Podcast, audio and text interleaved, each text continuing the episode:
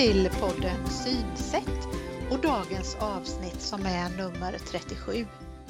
Här pratar vi om att det finns flera sätt att se på saker, att synen är olika och att ens synsätt kan variera. Vi som gör podden är Margareta Svensson och Eva Karlholt. Det är jag som är Margareta och jag är socionom och jobbar som kurator. Ja, och jag heter då Eva och jag arbetar som synpedagog och sen är jag också ögonsjuksköterska. Ja, och vi jobbar på Syncentralen i Jönköping. Just det. Vi vill att vår podd Synsätt ska ge dig som lyssnar kunskap på ett lättillgängligt sätt. Hoppas att du har nytta av det och att du tycker om det. Vi vill ge information om olika synnedsättningar, hur det kan vara att få en synnedsättning och hur det sen kan vara att försöka anpassa sig och lära sig att leva utifrån den förändrade situationen. Ja, och idag så spelar vi ju in ett nytt avsnitt via Skype. Det är ju på grund av den här coronapandemin så vi har ju varit tvungna under året då att ligga lågt när det gäller inspelningar av nya avsnitt. Men nu har vi ju bestämt att istället för att bara avvakta och vänta tills allting går över så testar vi att spela in några avsnitt på det här sättet. Japp, så nu är ju upplägget så här att vi sitter i våra respektive arbetsrum på syncentralen framför varsin dator med kameran och hörlurar på. Och vi ser varandra via våra datorskärmar och hör varandra i lurarna. Och på så sätt så testar vi att spela in några avsnitt. Det kanske kommer att höras annorlunda för dig som lyssnar men vi hoppas att innehållet kan väga upp ljudkvaliteten i så fall. Och av allt att döma så verkar det ju funka någorlunda för avsnitt 36 har redan flera lyssningar. Och i det avsnittet så gör vi en sammanfattning av vilka avsnitt i podden Synsätt som du kan ha särskild nytta av om du nyligen har fått en synnedsättning. Ja, och i det här avsnittet så tänkte vi fortsätta att ge en sammanfattning av vilka avsnitt i podden som du kan ha särskilt nytta av om du har en måttlig synnedsättning. Mm. I avsnitt tre så ges det en övergripande beskrivning av vad du kan få för hjälp om du har en måttlig synnedsättning. Vi berättar om hur ett besök kan gå till på syncentralen och vad du kan få för hjälp samt vad du själv kan göra för att underlätta situationen. Du kan väl förklara vad som menas med en måttlig synnedsättning, Eva? Mm, det kan jag försöka göra. Mm. Eh, vi utgår ju ifrån WHO, Världshälsoorganisationens definition av synnedsättningar. Mm. Och om du då har en måttlig synnedsättning så ser du någonstans mellan 0,1 till 0,3 på avstånd. Och det ska ju då vara med bästa korrektion, alltså de bästa glasögonen. Mm. Och det där det kan man ju jämföra med att det krävs en synskärpa på 0,5 för att få köra bil. Just det. Och jag tycker att det är viktigt att förtydliga att ordet måttligt, det kan ju signalera att synnedsättningen inte är av så stor grad. Men så är det ju inte, utan det medför ju absolut svårigheter i vardagen. Mm. Så när du kommer till syncentralen och har en måttlig synnedsättning så får du vanligtvis hjälp hos optiker för att få så bra glasögon som möjligt utifrån den synnedsättningen som du har. Och dessutom så mäter optiken vilket lästillägg som behövs för att det ska vara möjligt för dig att läsa en liten text, ungefär motsvarande spalttexten i tidningen. Ja, och sen så får du träffa en sån som jag då, en synpedagog. Eh, och om starkare läsglasögon eh, behövs så hjälper ju synpedagogen till med att träna att läsa med dem.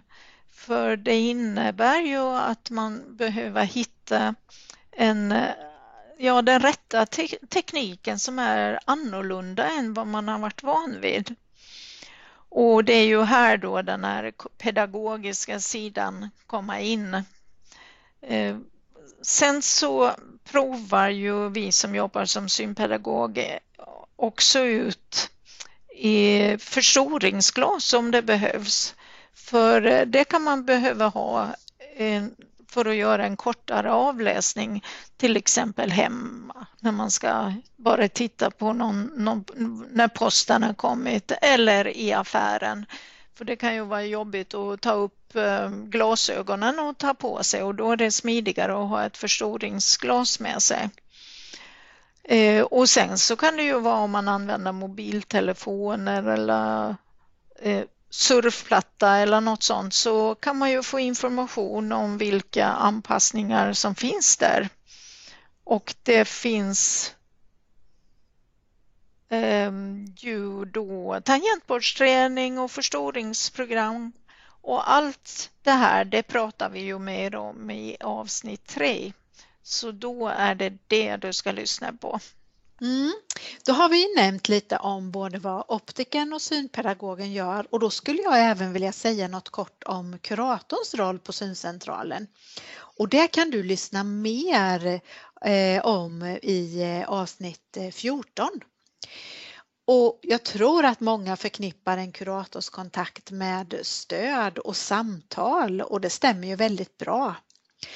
Och när man har en synnedsättning så är det en del av de personerna som uppskattar att få samtala om, ja, om sin situation och hur man mår och ja, sina tankar och känslor helt enkelt.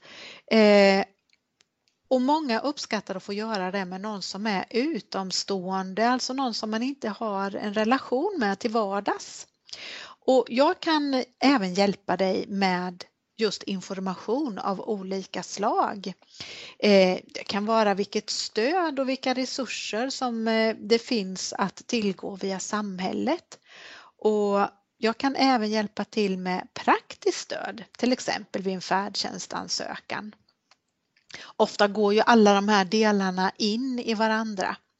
Men när jag träffar någon så brukar vi göra en slags kartläggning, alltså vi, vi pratar igenom Eh, situationen och olika livsområden för att komma fram till vilka behov som just du har och vilket stöd som kan behövas. Och ofta så gör man det i början av en kontakt för att veta hur vi ska fortsätta att jobba tillsammans. Ja, det där avsnittet det var ju bra för mig också tycker jag. Det var väldigt eh, informativt och bra att veta allt vad du kan göra. Ehm, du är ju en, en viktig del av vårt team och eh, för många är du ju ett väldigt bra stöd som man kan vända sig till som sagt när man behöver det eller när man vill prata med någon utomstående. Så lyssna gärna på det avsnittet nummer 14 då. Mm. Du, och när vi pratade här Eva så kom jag att tänka på att visst är det vanligt att eh, både att man träffar flera olika professioner och att man får komma flera gånger till syncentralen. Mm. Eh, ja, det, det, här är ju en process och det brukar vara många saker som man behöver prata om och gå igenom och inte minst träna på. Så ofta räcker det ju inte med att man träffas vid ett tillfälle utan man får komma tillbaka flera gånger för att hinna med olika områden och eh, ta reda på hur så att allting fungerar bra hemma i vardagen. Mm. För det är ju verkligen en sak att sitta på syncentralen och testa en kort stund och en helt annan sak att använda sina hjälpmedel hemma. Mm. Och nu är vi ju inne på det här området med hjälpmedel och det brukar ju många personer ha frågor kring och i avsnitt 6 så berättar vi mer om det. Och det är ju mm. så att det behövs olika information och tips om strategier och hjälpmedel beroende på i vilken nivå din måttliga synnedsättning är och vilken ögonsjukdom du har och vilka saker som är svåra för just dig. Men lyssna gärna på hela avsnitt 6 om du vill veta mer om hjälpmedel. Ja, och i avsnitt 6 så nämner vi också att den vanligaste orsaken och den vanligaste ögonsjukdomen vid måttlig synnedsättning det är ju åldersförändringar i ögats gula fläck eller makuladegeneration som ögonläkarna ofta säger. Och om du vill höra mer utförligt om de här ögonsjukdomen så rekommenderar jag att du lyssnar på avsnitt 24. Här vill jag ju bara kort Eh, då passa på att berätta att åldersförändringar i gula fläcken det för ju med sig att den centrala synen försvinner eller blir sämre. Och då blir det ofta svårt att läsa och att se detaljer. Och det kan ju också bli så att man får svårt att känna igen ansikten på människor man möter ute till exempel. Mm. Det tycker jag det är många som berättar om att man tycker det är så tråkigt att man inte känner igen folk förrän man är precis intill varandra. Ja, och många som har åldersförändringar i gula fläcken beskriver också att texter eller saker som man tittar på blir suddiga eller disiga och ibland kan det också upplevas som att det fattas bitar i det man ser eller att saker blir krokiga. Och när man har makuladegeneration så brukar det ju vara så att man har kvar sitt sidoseende. Man ser ju inte så skarpt där men man har ändå nytta av den synen för att kunna hitta och orientera sig. Ja, och nu när du är inne på det området mm. så vill ju jag som synpedagog då förmedla att det kan vara bra om du har en måttlig synnedsättning att du vet om att du kan få en vit hopfällbar markeringskäpp för att använda i vissa situationer. Om du känner dig osäker eller om du kanske behöver ha lite mer service eller mer tid jämfört med andra. För det kan ju vara till exempel i affären när man ska betala eller när man ska gå över en gata så kan det ta lite längre tid. Och den här markeringskäppen, den lilla vita käppen, den signalerar ju till andra personer att man har en synnedsättning och att eh, man behöver bli visad extra hänsyn i vissa situationer. Och sen när du inte behöver ha käppen så kan du vika ihop den och ha den i fickan eller i väskan. Och mer information om markeringskäpp och även om andra vita käppar, det får du om du lyssnar på avsnitt 19. Mm, det var jättebra att du tog upp och tipsade om det också. Och jag skulle vilja återknyta till eh, en annan sak när det gäller åldersförändringar i gula fläcken och det är nämligen att i avsnitt 25 så bjuds det på en inblick i hur det är att leva med den här ögonsjukdomen. Och det är Gustav som berättar om hur hans vardag ser ut. Lyssna jättegärna på det avsnittet. Kanske är det så att hans erfarenheter kan ha betydelse och vara en hjälp för dig i din situation. Mm. På tal om tips så finns det ju en hel rad med avsnitt som tar upp tips och råd av alla de slag. Mm. Du kan ju lyssna på mera allmänna tips om belysning, kontraster och andra saker som underlättar i vardagen i avsnitt 7. Och sen följa en rad fler populära avsnitt och i avsnitt 8 och 9 där ger vi konkreta råd och delar med oss av olika strategier som kan underlätta praktiskt för dig vid bakning och matlagning. Och då utgår vi ju från att vi, eller vi låtsas helt enkelt att vi bakar en sockerkaka och vi gör köttbullar också. Mm. Och i avsnitt 10 och 11 så följer ju många fler hushållstips, bland annat om matlagning, då, städning och tvättning. Mm.